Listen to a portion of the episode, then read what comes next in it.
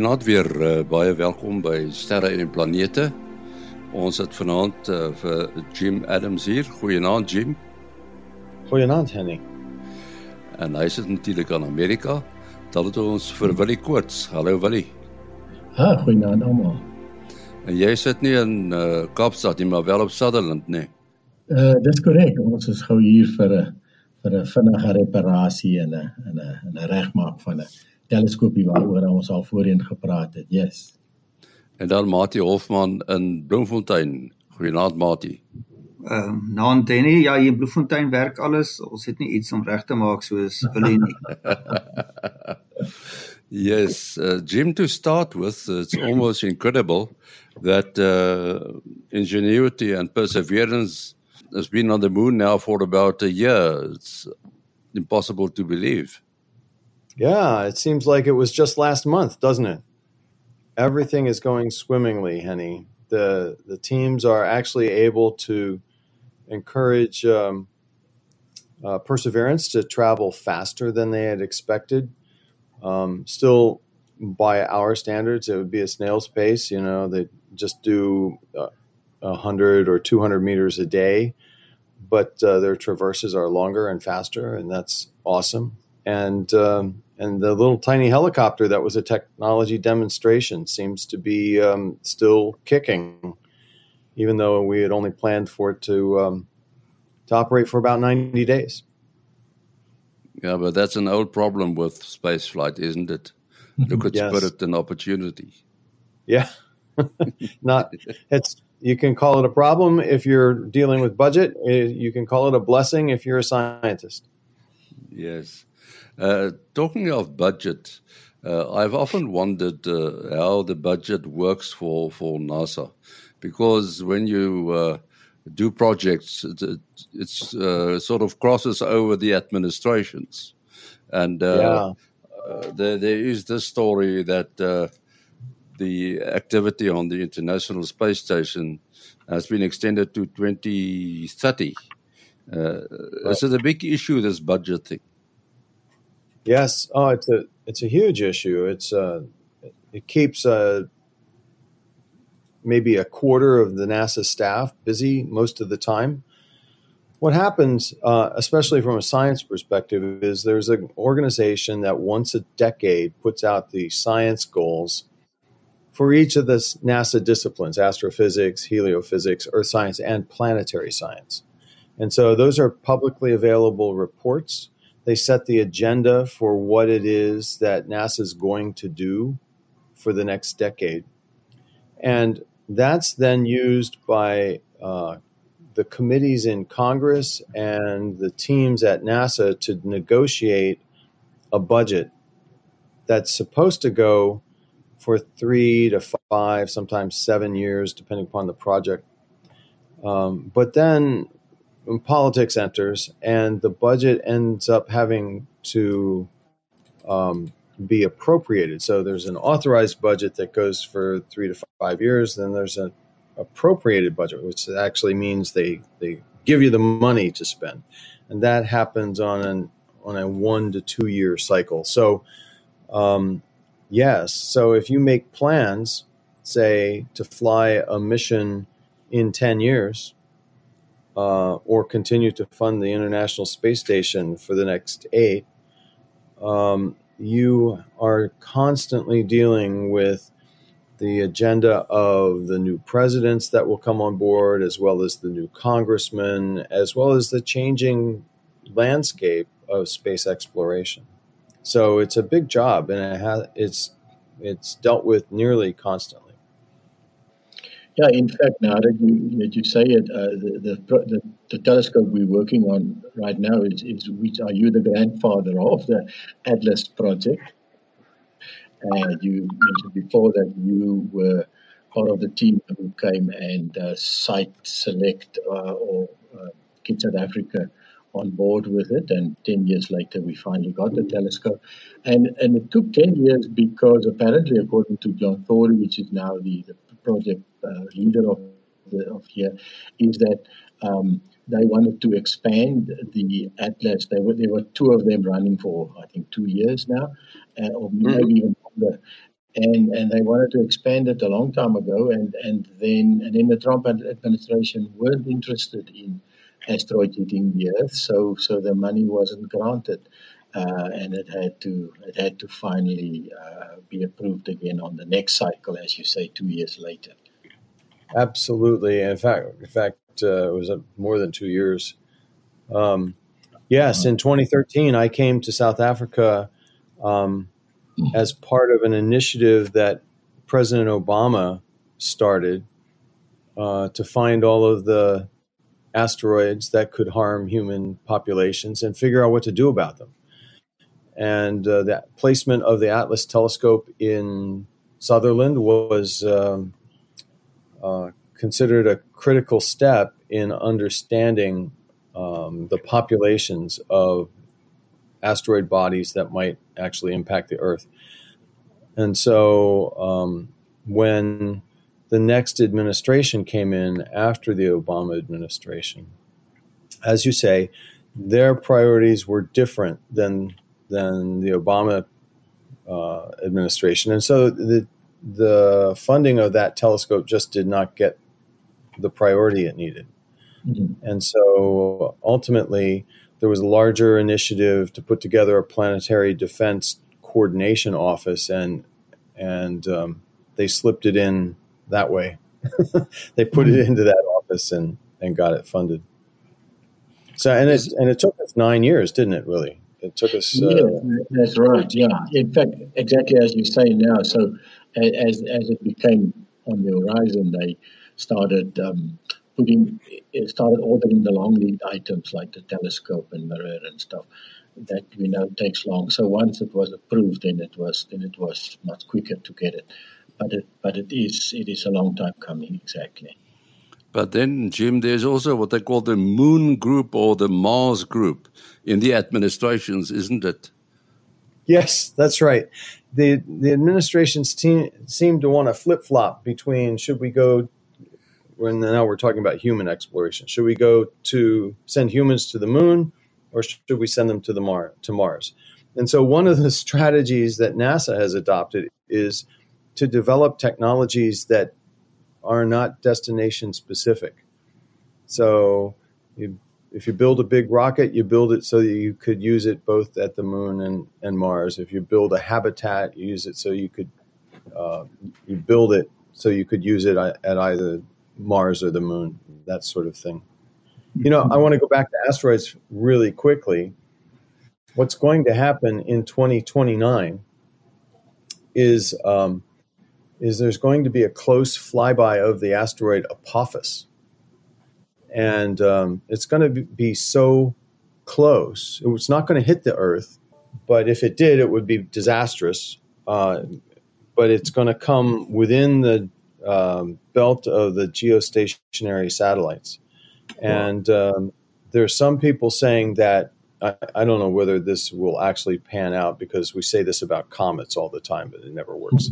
But there are some people that are saying that uh, the people in Africa might actually be able to see it with the naked eye as it flies by.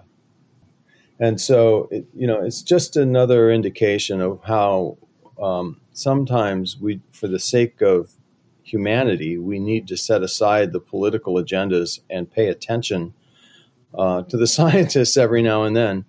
While you mentioned uh, uh, asteroids and uh, objects like that, uh, also brought an item, news item under our attention of a relatively recent crater uh, formed by an asteroid collision or meteorite collision uh, in China that made a, a crater of 1.85, almost two kilometers wide. And in geological terms, that's uh, about only about 50,000 years. Now, um, most of us have more serious uh, problems than to worry about things happening every 50,000 years.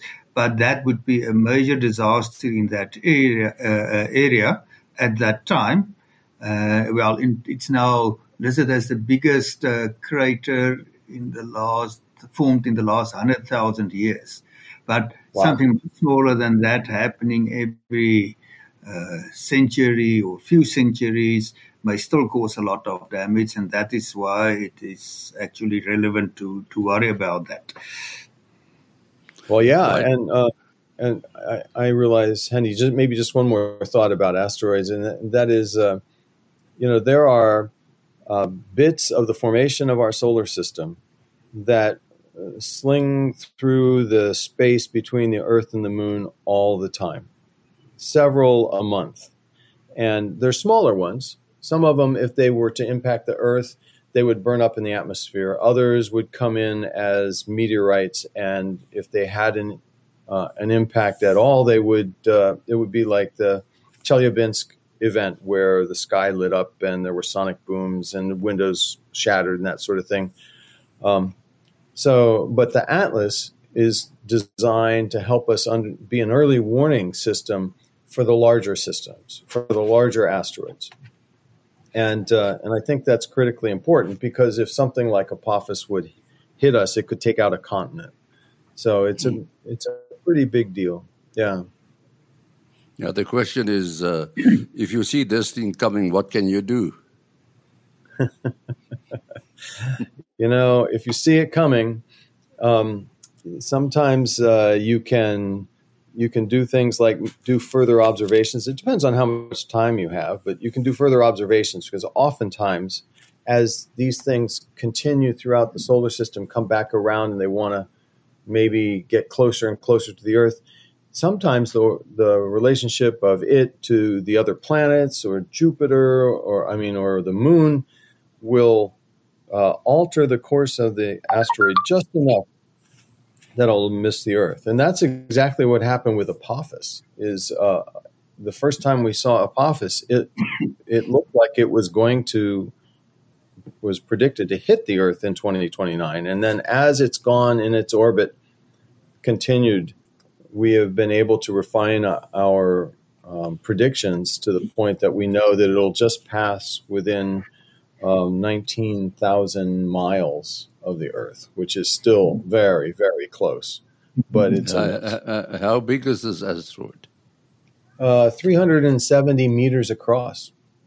An interesting question would be uh, but I think it's a difficult, would be a very difficult and statistical problem. Is if you would consider, say, a thousand asteroids that um, uh, whose orbits had been gradually changing, maybe to come closer and closer to Earth, whoever uh, the collective effect of all the major uh, objects like Jupiter and the Moon and the Earth and the Sun uh, would in the end make it more probable to, at some stage, to again start to move at its closest further away, or make it more probable that it will continue to come closer and closer, closer at its closest approach. Um, it may be that the collective effect have some tendency in the one or the other direction, so that there may be something in nature that protects us and uh, eventually yeah. start to throw, push out these objects again. But I do not uh, enough mathematics in front of me, and I think it will be complicated uh, to make a statement on that. So it is it is complicated, but we do know that as the planets formed, they moved uh, in large part because they were collecting. The, the word is accreting they were collecting the debris from the early stages of the formation of the solar system.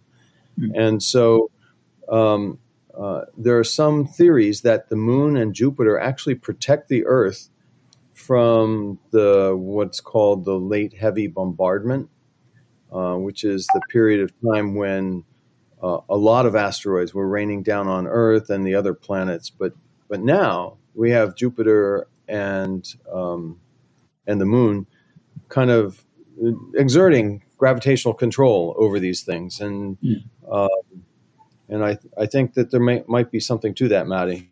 Mm, yeah, yeah, something that's uh, interesting. Uh, uh it's now not uh, exactly the same, but if you consider the major objects in the solar system, the Sun and Jupiter, and still the Sun is. Uh, I think nine, more than 99% of all the mass in the solar system and the 1% includes Jupiter, so it's still a tiny fraction. But the combined effect in that case would, uh, uh, was to put um, a lot of the asteroids uh, well and uh, safely and uh, ahead of Jupiter, about 60 degrees in its orbit, and behind it in 60 degrees, and those are the Trojan uh, asteroids. So there was a type of combined effect that, well, made, made that they would not collide with Jupiter, but they stay there in, in groups. We know there are many, or quite a number of comets crashing into into Jupiter that came from outside, so in much different orbits. Uh, Jim, talking about uh, Jupiter, why is Jupiter a gas planet?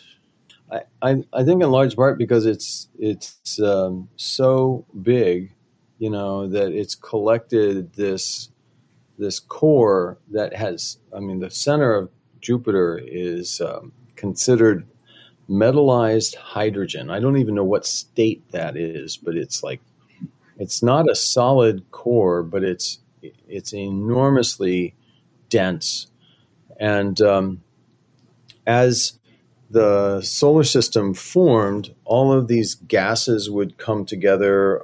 Uh, well, first, uh, well, the gases would come together, create a ball, and then the heavier elements would would sort of accrete, that is, join Jupiter and ultimately um, the more gravity it's got the more stuff it attracts. And the more stuff it attracts the lighter stuff starts to uh, to come in as well. And so you end up with this enormous ball that collected anything that was anywhere near it. And you know there's a on on astronomical terms there was a, a possibility that if Jupiter had collected I've forgotten the number, but it's like twice as much mass as it's got now, only twice as much mass as it's got now. It could have actually become a star, and um, but it didn't, and so we have this gas giant that's uh, in our solar system for us to look at. And one of the interesting things, the uh, result that was released last week was based on some Galileo and Juno data and some modeling some scientists have postulated that Jupiter did not form where it is now, but actually much further out. So Jupiter is currently at 5 AU, and AU is the distance between the Sun and the Earth. It's about 93 million miles, I think. Maybe I, I always get that number wrong. Maybe it's 97, I forget. Anyway, um, so 1 AU, distance of Sun to the Earth. Jupiter is at 5 AU. So five times the distance of the sun to the earth is where Jupiter's at.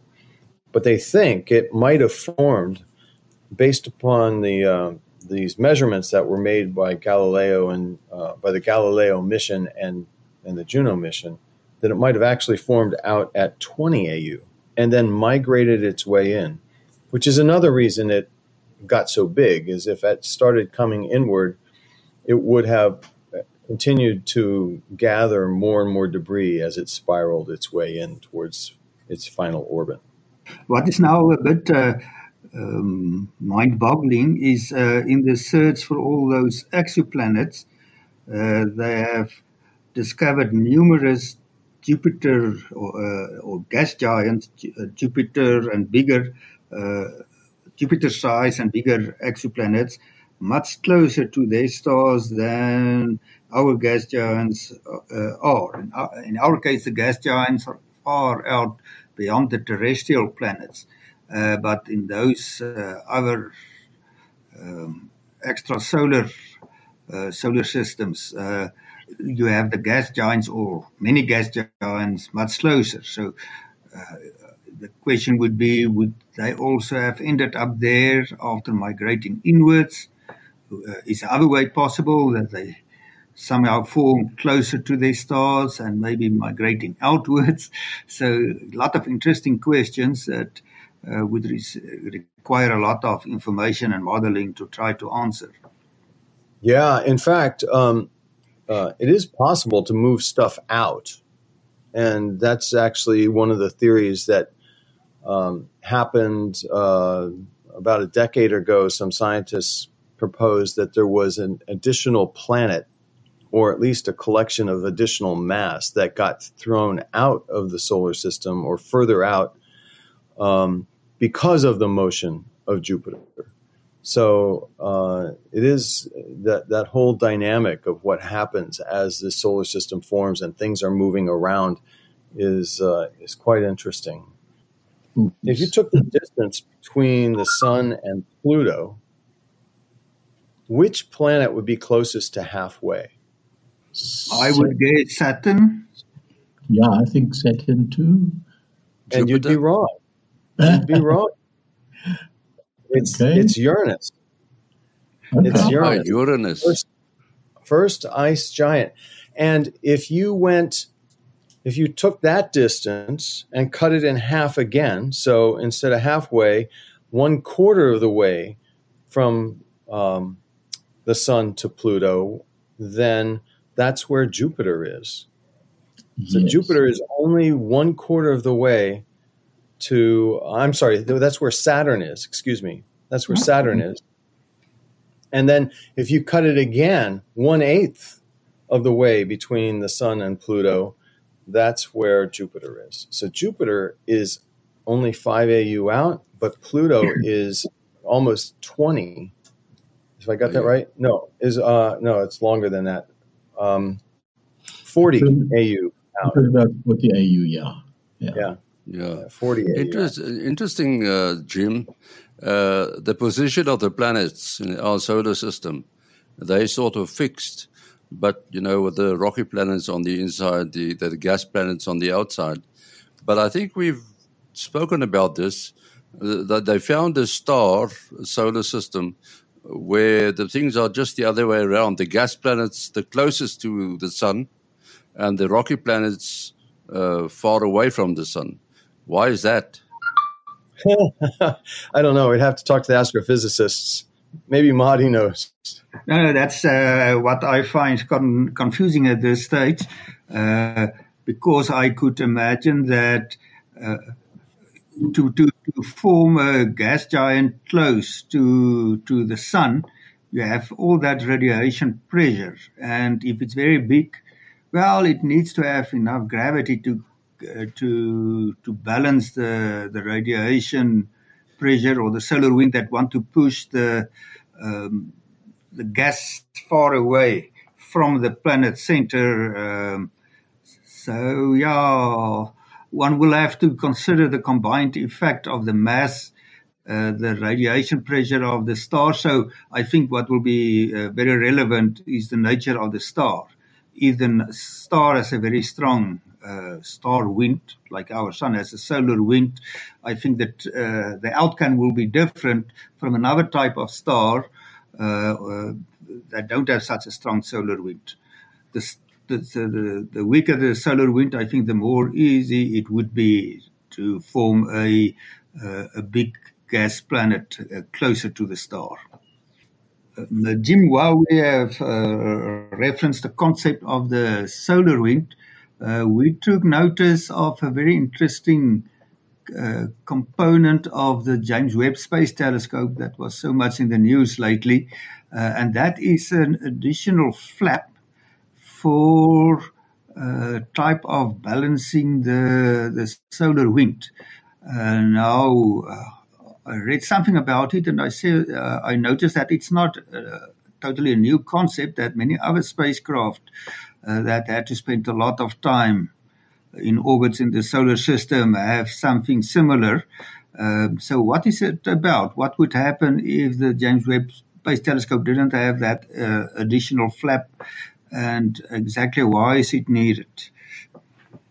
Yeah. So, you know, what what these missions are doing, especially the ones that are large or really close into the sun where there's where the solar wind is dense, um, they're they're kind of sailing, aren't they? You know, there's these pressures, and um, you you want to try and balance the pressures so that you get the proper effect, so that the ship goes the right direction, if you will, and and that's what's happening with this uh, trim tab on James Webb. N- because of the asymmetric configuration of the telescope and the spacecraft, the the center of mass of the of the spacecraft is not at the center of pressure of the solar wind on the sun shield. And so they put this tab on there to balance that out. Now, um, uh, it, nothing's ever perfect, and so they will, if there's any further asymmetries in the torque, in the push from the sun, um, then they they fix that by spinning the wheels, the reaction wheels, they're like big gyroscopes, um, uh, a little bit faster. And then that takes out the torque.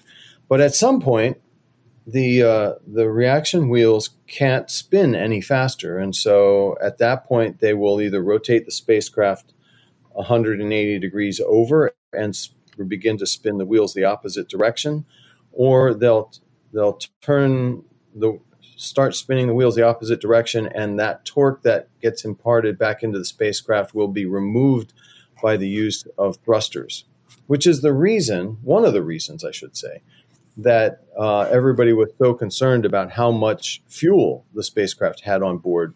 You know, after launch, we were like, well, okay, how much fuel did we use? Because we're interested in how long we can withstand um, the station keeping operations, how long we can do the station keeping operations once James Webb gets fully commissioned. Right, Jim, we have to end there. Uh, people can reach you via the Facebook group. Facebook group. Love answering questions on the Facebook group. En Mati, uh, jou besonderhede? Selfoonnommer 083 625 7154. 0836257154. Willie? 0724579208. 0724579208. En die program se e-posadres sterreplanete@gmail.com. sterreplanete@gmail.com. Ons sê dankie aan Jim Adams, Willie Koorts en Mati Hofman.